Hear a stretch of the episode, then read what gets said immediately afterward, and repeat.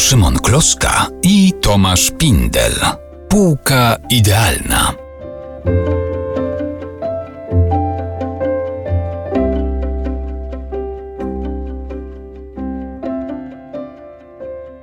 Czekaj, ale zrób trochę miejsca na, na, na stole.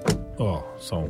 No, widzę, że na naszej idealnej półce nie ląduje dziś książeczka, ale e, to mi szcza w dużej ilości. One, co więcej, przyniosły się w dwóch wersjach językowych, widzę, po polsku i po Tak na hiszpańsku. wypadek.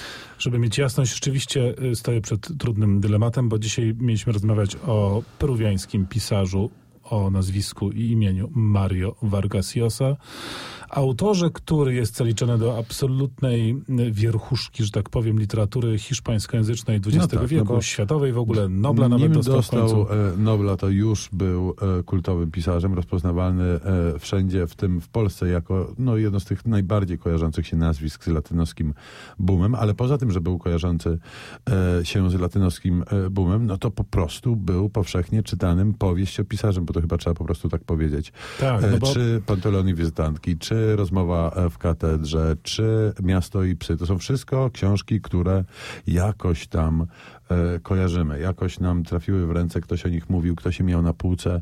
Mm, ponad wszelką wątpliwość powieściopisarz par excellence. No tak, on w ogóle w Polsce miał y, dużo szczęścia, czy w ogóle miał dużo szczęścia w, w światowej recepcji, ale i u nas przyjął się od początku i bardzo ładnie, że tak powiem. To znaczy on był wydawany zarówno w latach 70. na fali tego właśnie boomu literatury latynoamerykańskiej, który do nas dotarł właśnie w tej dekadzie y, i był czytany, komentowany. Potem na przykład w latach 80.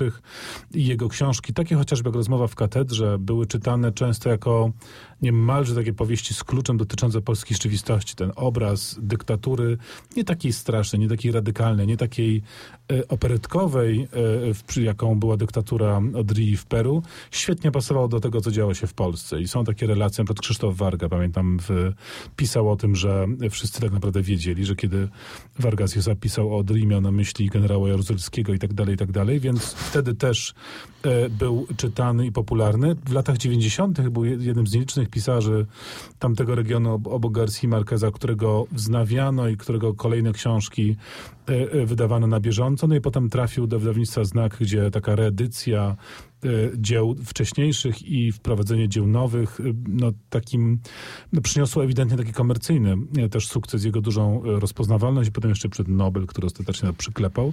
Czyli mamy pisarza sukcesu i z bardzo dużym dorobkiem. Na tym też polega problem z Vargasem Llosą. No właśnie, bo te wszystkie rzeczy, które się wydarzyły, czyli kolejne wznowienia, e, ilość tych polskojęzycznych edycji, e, no i, ob, e, no i Nobel i też świadome działalności promocyjne wydawców troszeczkę zaciemniają e, obraz. W tym sensie, że ja mam wrażenie, że e, swojego czasu nikt nie miał wątpliwości co do tego, e, e, gdzie leżą najjaśniejsze perły mm, Vargasa e, Josy. Może zacznijmy od powieści, bo być może poza powieściami też coś należałoby przeczytać. Natomiast jeżeli chodzi o powieści, to ja zawsze miałem takie przekonanie i trzymam się go kurczowo, a być może mm, jest ono mylne i wyprowadzisz mnie z błędu, że tak naprawdę dwie pierwsze dekady jego twórczości to są te dekady kluczowe, czy dwie i pół. Jednym słowem ten wcześniejszy i środkowy Vargas Llosa z pewnym ociąganiem sięgałem po jego późniejsze e, powieści, a od pewnego czasu w ogóle przestałem sięgać.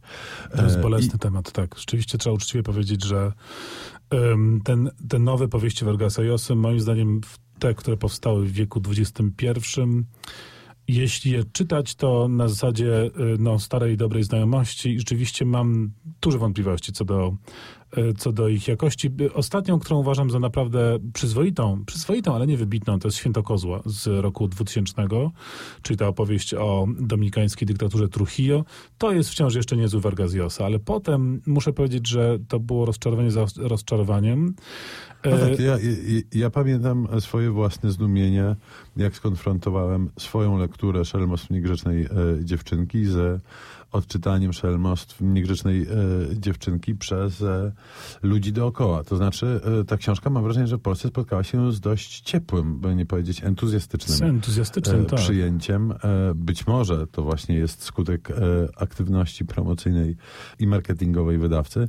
Ale wydaje się, że entuzjazmy y, były szczere, przynajmniej części czytelników, w tym sensie, że ona faktycznie spotkała się z świetną, świetną recepcją. Bardzo wielu ludziom się podoba. Ja też tego nie do końca rozumiem. Wydaje mi się, że no ona może się podobać. Ona ma pewne atrakcyjne aspekty i rozumiałbym y, jej popularność wśród czytelników, którzy nie czytali e, wcześniejszych książek Vargasa Llosa. Może to zabrzmi jakoś tak arogancko nieco, ale trochę tak jest. To znaczy na tle wcześniejszych dokonań i nie mówię tylko o najwybitniejszych e, rzeczach Vargasa Llosy. Wydaje mi się e, e, Niegrzeczna dziewczynka dość e, dyskusyjna, choć bywało gorzej. No, dla mnie niestety takim, takim momentem, kiedy Vargas Llosa zaszurał e, brzuchem o, o ziemię, o dno, to rzeczywiście było Marzenie Celta. Powieść o Ro- Rogerze Casemencie.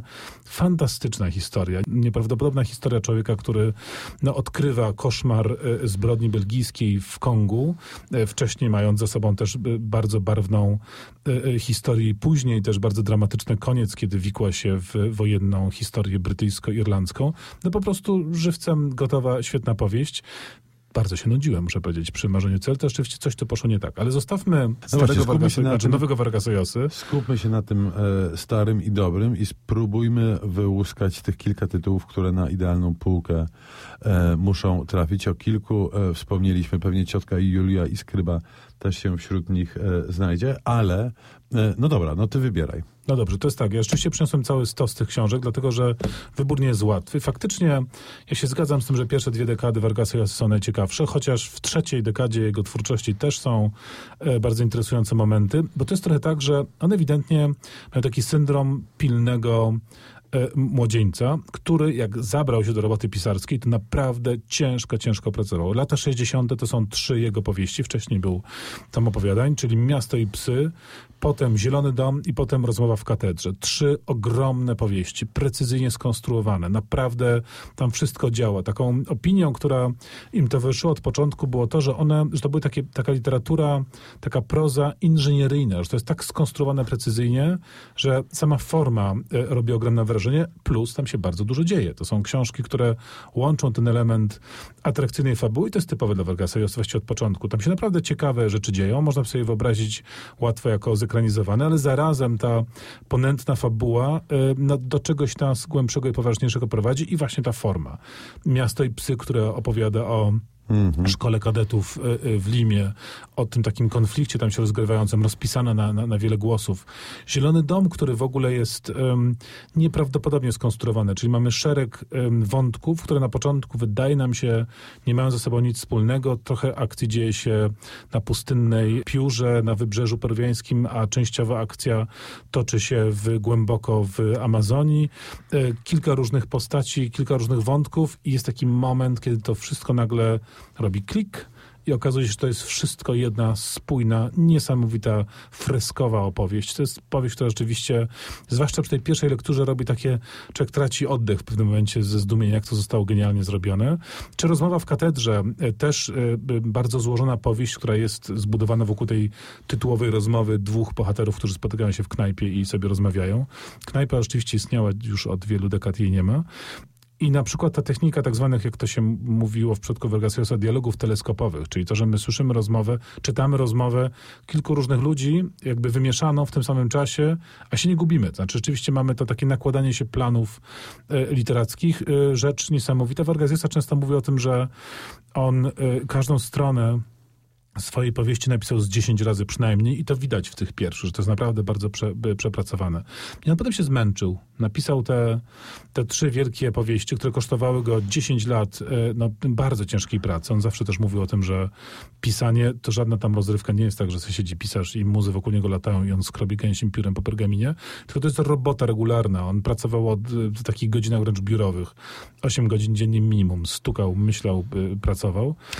Ale dzięki temu, że się e, zmęczył przy tej e, charówce nie galerniczej e, wprost, to powstały kolejne powieści, które, no, w które wpuścił humor, e, Tak, bo Panteloni, Wizytantki czy Ciotka Julia i Skryba to jedne z zabawniejszych jego. Bo on w latach 70. powieści. rzeczywiście odkrywa humor, wyzwala się wtedy z takiego e, jednak jarzma Sartra. Sartre był dla niego takim drogowskazem przez pierwsze lata jego twórczości, i- a Sartre nie dopuszczał humoru do, do literatury i Vargas Llosa odkrywa humor, rzeczywiście wprowadza go w Pantelonie Wizytantkach, przeuroczej powieści e, o korpusie zawodowych prostytutek, które obsługują wojsko w, W dżungli. W dżungli amazońskiej. Potem pisze Ciotkę Julię Skrybę, op- oparta powieść na jego osobistej historii romansu i małżeństwa. No, no nie jest tak naprawdę z ciotką, tylko z byłą żoną wujka, więc to żadne kaźrodztwo, tylko taki bardziej społeczno-obyczajowy skandal.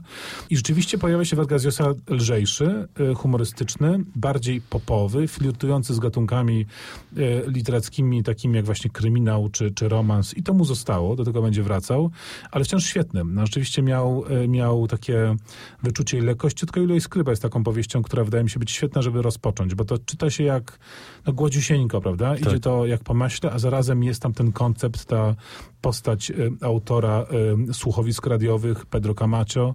Y, jego odcinki jego powieści są inkrustowane w fabułę główną tej historii, mieszają się i tworzą pewną rzeczywiście niesamowitą, niesamowity efekt z, z doskonałym zwieńczeniem. I tam się dzieją rzeczy naprawdę, naprawdę niezłe.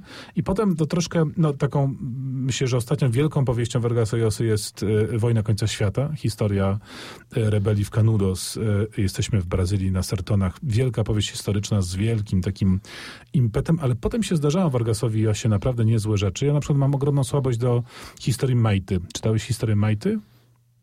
Nie, nie czytałem. Bo to jest taka rzecz, która gdzieś tam uciekła bardzo wielu czytelnikom, gdzieś to się ukazało e, oryginalnie w, latach 80. w Polsce.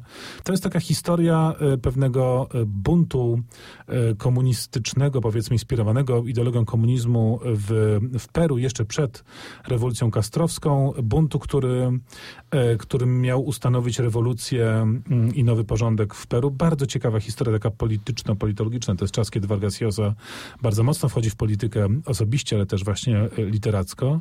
E, Świetna rzecz, e, nie, nie, nie chcę zespoilować, ale to jest taka powieść, która na końcu robi nieprawdopodobną woltę. Znaczy rzeczywiście tam się bardzo interesujące rzeczy, rzeczy wydarzają.